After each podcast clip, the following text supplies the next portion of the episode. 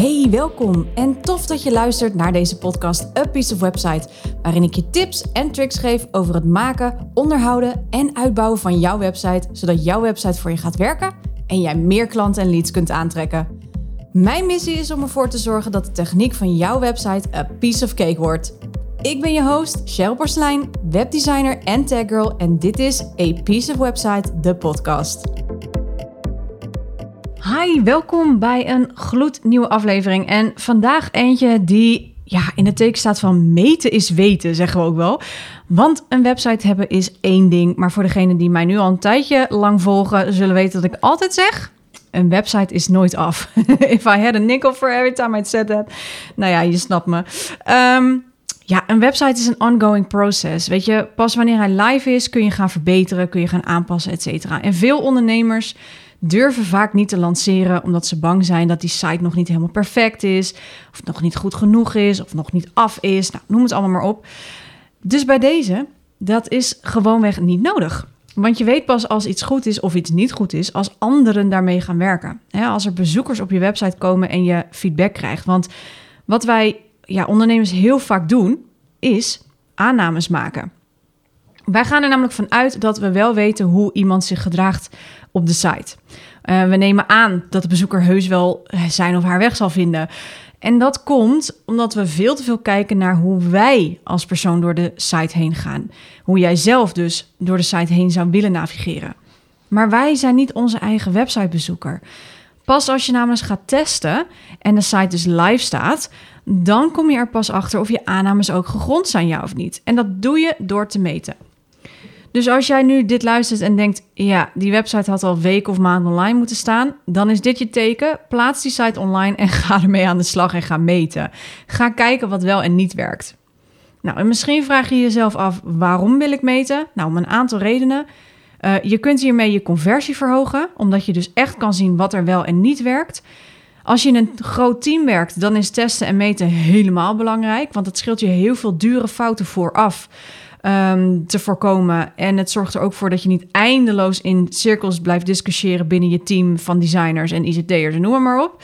Uh, want je hebt gewoon feiten en je ziet gewoon wat wel en niet werkt. Dus daar kun je dan gewoon een uh, analyse op loslaten en vervolgens die dingen doorvoeren. Dus dat scheelt je zowel tijd als geld. En heel belangrijk, je kunt hiermee de gebruiksvriendelijkheid van je website vergroten. Nou, ik heb het al een klein beetje aangeduid. Er zijn drie onderdelen in je website die je kunt meten. Dat is dus conversie, de usability, dus de gebruiksvriendelijkheid, en engagement.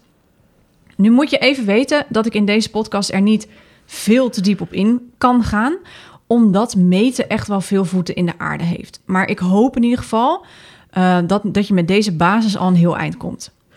Nou, laten we beginnen met conversie. De conversie is het percentage bezoekers Hè, dus percentage hoe het aantal websitebezoekers dat uiteindelijk tot transactie overgaat. Dus met andere woorden, hoeveel van jouw websitebezoekers kopen daadwerkelijk iets bij je? Het kan zijn een online programma of een product. Nou, er zijn verschillende manieren waarop je dit kunt meten. Als eerste meld je bijvoorbeeld aan bij Google Analytics. Hierin krijg je een heel mooi overzicht van hoeveel bezoekers je überhaupt op je website terechtkomt. En als je dat natuurlijk weet, dan weet je ook hoeveel van die bezoekers iets kopen. Want uh, ja, als jij weet wat er, wat er binnenkomt in jouw uh, bank en, en je, je weegt dat af, je legt dat naast het aantal bezoekers neer, ja, dan weet je ook zeg maar het percentage van die conversie. Nou, met die gegevens uit Google Analytics en er zijn nog veel meer van dit soort meettools, maar, maar deze wordt nog steeds gewoon heel veel gebruikt en geeft ook nog steeds redelijk veel inzicht in je bezoekersgedrag. Maar je kunt dus zien in Google Analytics ook waar mensen afhaken. Dus bijvoorbeeld, je ziet dat er 100 bezoekers op je website zijn geweest. En je ziet in jouw uh, mail of in jouw automation of in jouw bankgegevens dat één bezoeker daadwerkelijk ook iets heeft betaald, iets heeft gekocht. Die andere 99 zijn dus ergens afgehaakt. Bij een bepaalde pagina of bij een bepaald stukje of bij whatever. Dat kun je allemaal zien. Dat betekent dus dat, uh, dat jij iets moet gaan doen aan die pagina als jij dus die conversie wilt verhogen. Want blijkbaar verlaten heel veel mensen die pagina om bepaalde redenen. Nou, waar kijk je dan naar? Je kijkt naar de tekst. Zijn er dingen misschien nog onduidelijk? Beantwoord je überhaupt wel de vragen die men heeft? Dat kan je allemaal uitvinden door te testen. Um, je kijkt naar je call to action knoppen. Staan die op de juiste plek? Vallen ze überhaupt wel goed op of wordt er overheen gekeken? En je kijkt naar de hiërarchie van de pagina. Stel jezelf de vraag: zien ze wel de content die wij willen dat ze zien? Hè? Want we zijn uh, als mens scrollen we heel graag ergens doorheen zonder dat we überhaupt lezen. We scannen eerst altijd alles. Dus ja, zien ze dan wel dat wat jij wil dat ze zien? Nou, wat je daarbij kunt doen, want dit kun je natuurlijk niet alleen met Google Analytics zien. Uh, je ziet wel waar de mensen afhaken, dus welke pagina op welke pagina's ze binnenkomen, op welke pagina's ze weer weggaan van je site. Um, maar wat je daarbij kunt doen, is je website aanmelden, bijvoorbeeld bij Microsoft Clarity. Nou, dit is net als Google Analytics uh, een gratis tool. En deze tool maakt video's van de bezoekers zijn of haar gedrag op je site. En dat doet dus nog veel meer. Maar je kunt hiermee dus letterlijk zien wat iemand doet en waar de mensen de pagina verlaten. Let wel even duidelijk op dat je dat wel in je cookie banner moet aanpassen en dat je daar een eh, melding over moet maken.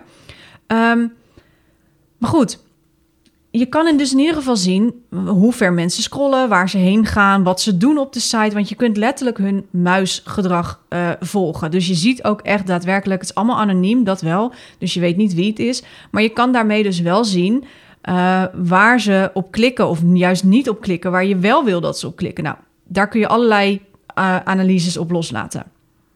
Nou, wil je helemaal diep erop ingaan, dan kun je er ook nog eens een meetool als Hotjar bij gebruiken. En wat Hotjar heel erg mooi doet, is een hittemap maken van je pagina's. En wat je daarmee kunt zien is waar mensen klikken. En hoe roder een button of ergens waar ze geklikt hebben wordt, hoe meer mensen daar dus op hebben geklikt. Wat je daar kunt uithalen is ten eerste of je CTA's, dus je call to actions, wel opvallen. En of er dus op geklikt wordt, ja of nee. Maar je kan dus ook zien dat je misschien iets in je pagina hebt staan waar mensen op denken dat ze moeten klikken, maar er gebeurt vervolgens niks. En dan moet je bij jezelf te raden gaan van waarom klikken mensen daarop? Want het is heel gek dat als zij denken dat er misschien een linkje achter staat, terwijl dat helemaal geen linkje is. Nou, dan zie je mensen erop klikken, maar vervolgens gebeurt er niks. Dus um, dat is een, zeg maar, een, een soort frustratiepuntje waardoor mensen besluiten of ze wel of niet doorgaan. Dus daar kun je heel veel um, ja, op, op inspelen. En als je al die dingen bij elkaar verzameld hebt, heb je dus een heel mooi overzicht voor jezelf. En dat betekent dat je daarmee je pagina's kunt gaan verbeteren. op deze manier kun je dus letterlijk inspelen op de reis die een klant dus doorloopt, omdat jij dus ziet, omdat jij dus die feiten hebt in plaats van aannames, wat die gebruiker doet op jouw site. Maar goed, dan moet je dus wel die verbeteringen doorvoeren en daarna ook weer opnieuw meten. Nou, dit hoeft niet elke week, dit geeft wel, uh, heeft wel een aantal weken slash maanden nodig. Denk aan maximaal drie maanden per meetding wat je kunt doen. Het hangt er een beetje vanaf uh, hoeveel bezoekers jij per uh, maand krijgt. Soms kan je het al binnen drie weken vier weken aanpassen. Soms heb je daar iets meer voor nodig. Hoe minder bezoekers, hoe langer het duurt voordat analytic tools de gegevens verzameld hebben die jij, waar jij wat mee kan. Maar in ieder geval, zorg ervoor dat je één keer in de drie maanden even een check doet en kijkt van oké, waar zitten die knelpunten? Waar haken mensen af? En wat kan ik dan doen om dat te verbeteren? Nou, dan hebben we nog het stukje usability. We hebben het net over conversie gehad. Nu het stukje usability, dus de gebruiksvriendelijkheid van je website. En de gebruiksvriendelijkheid van een website is misschien nog wel belangrijker dan een fancy design. En deze vergeten we ook heel vaak te meten. Je website is misschien volgens jou nog niet goed genoeg of nog niet mooi genoeg, maar zolang het gemakkelijk in gebruik is, zullen mensen hoe dan ook iets bij je kopen. Let wel, een goed design is wel belangrijk. En als je hier meer over wilt weten, zou ik zeggen: luister even aflevering 77 van de podcast. Want tegenwoordig is dat wel echt wel een dingetje. En die gaat erover waarom je website er wel goed of mooi uit moet zien. Maar laat het je niet tegenhouden. Dus gebruiksvriendelijkheid. Hoe meet je dat? Uh, hoe weet jij of jouw website gebruiksvriendelijk is of niet? nou, dat kan je door heel veel verschillende manieren testen. Denk aan het ontwerp testen met een panel. Um, je kunt ze bijvoorbeeld opdrachten laten doen door verschillende eh, thema's uiteenzetten en daar een opdracht in bedenken. En vervolgens die persoon jouw website door laten lopen om die opdracht uit te laten voeren. En dan kun je zien of het daadwerkelijk ook lukt. Of dat ze dat, die vraag kunnen uitvoeren en wat jij hen vraagt.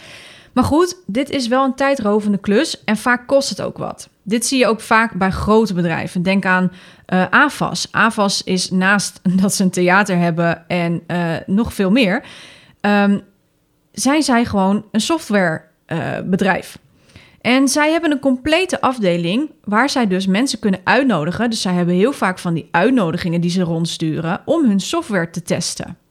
Nou, mocht je hier uh, denken van nou, daar wil ik meer over weten. Ik heb daar een heel veel boeken over, dus mocht je tips willen, klop gerust bij me aan. Maar dat is dus vooral voor grotere bedrijven, of in ieder geval voor bedrijven die daar meer budget aan kunnen besteden. Maar goed, voor ons kleine ondernemers is dat meestal niet haalbaar. Nou, wat kun je dan doen? Een hele simpele oplossing. Maak een mini-enquête. Wat je bijvoorbeeld kunt doen, is een pop-up tonen wanneer de bezoeker de website wilt verlaten. Dus zet hem niet ineens recht in iemands gezicht als ze net twee minuten op de site zijn, want ze moeten überhaupt eerst nog door je site heen. Maar doe het wanneer iemand de website wilt verlaten. Nou, wat je daarin kan doen is, je kan bijvoorbeeld een vijftal vragen opzetten. Houd het simpel. Ga geen vragen stellen waarbij je enorme hoeveelheden teksten moet komen. Dus het liefst willen we zoveel mogelijk gesloten vragen. En dan kun je denken aan multiple choice of het geven van cijfers of dat soort dingen. Ehm, en gebruik dus vragen als hoe makkelijk vond ik het om de website te gebruiken? Nou, dan kun je denken, geef een cijfer van 1 tot 10. Of je kan juist het tegenovergestelde vragen. Ik vond de website onnodig complex. Nou, dit is een stelling, dus daar kun je denken van nou, multiple choice. Of een balk waarmee mensen kunnen schuiven naar eens of oneens. Nou, je hebt hiervoor speciale tools. Nou, één uh, daarvan is Lookback. Uh, Lookback, dus gewoon echt L-O-O-K en dan back.io in het Engels. En die andere is Usability Hub. En Usability Hub heeft een gratis versie. Daarmee kun je het gewoon uittesten. En dan kun je gewoon één uh, quizje maken en die kun je gewoon inzetten op je site. Lookback is wel betaald. Maar het kan je dus zeker inzicht geven in hoe jouw gebruikers jouw website dus zien. Omdat wij er dus van uitgaan dat we denken, nou het ziet er goed uit en het zal allemaal goed werken en noem het maar op. Maar jouw gebruikers, die gaan met de website aan de slag. Dus ook voor hen, juist voor hen, moet het gebruikvriendelijk zijn. En daar kom je achter door het echt gewoon te vragen. En je kan ook eens voor de grap denken van nou, ik ga iets weggeven of zo. Ik heb bijvoorbeeld bij uh, wat ik doe voor mijn marktonderzoeken, um, vind ik het heel fijn om daar iets tegenover te stellen. Want ik wil heel graag weten wat jou drijft en wat jouw problemen of waar je issues zijn waar je tegenaan loopt met je website.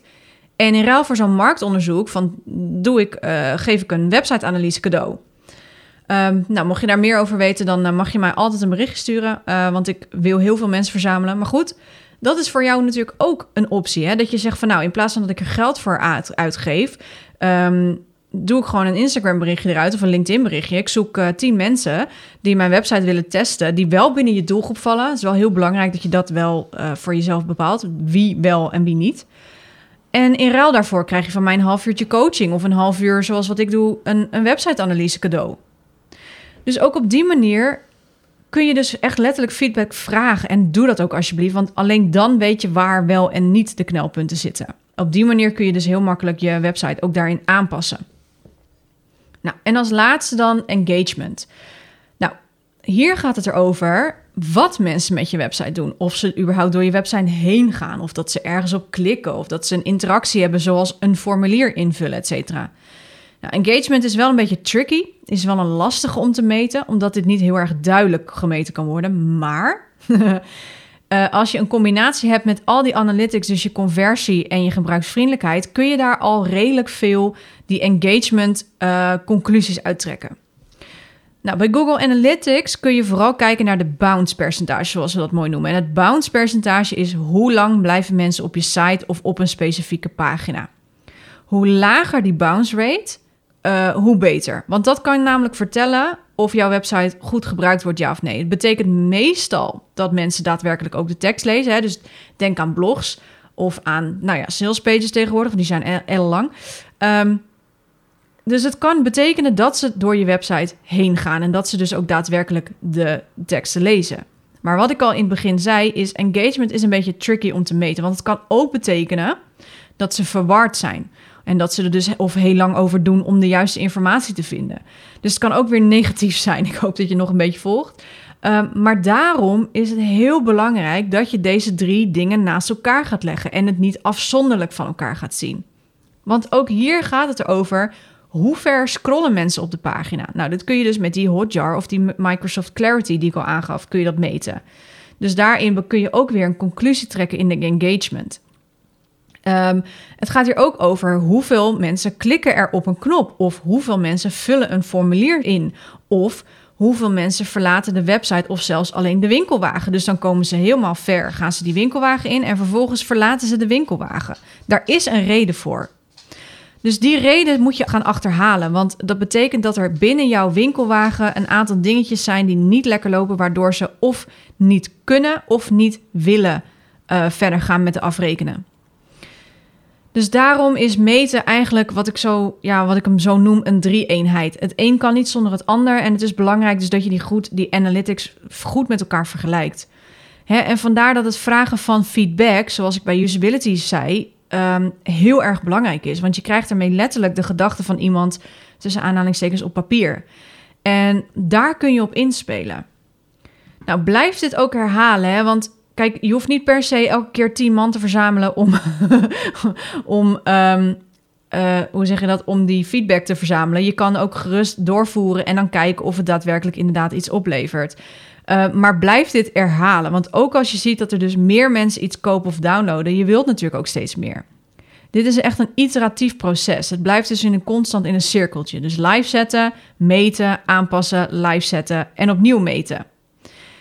Nou, net zo lang totdat jij natuurlijk dat gewenste resultaat elke keer behaalt. En zet daar ook echt doelen voor. Dat is heel belangrijk. Dus denk ook aan van nou, alright, van die 100 bezoekers wil ik bijvoorbeeld dat er 10 mensen mijn programma gaan kopen. Oké, nou dan is het dus zaak dat jij je website goed in de gaten gaat houden.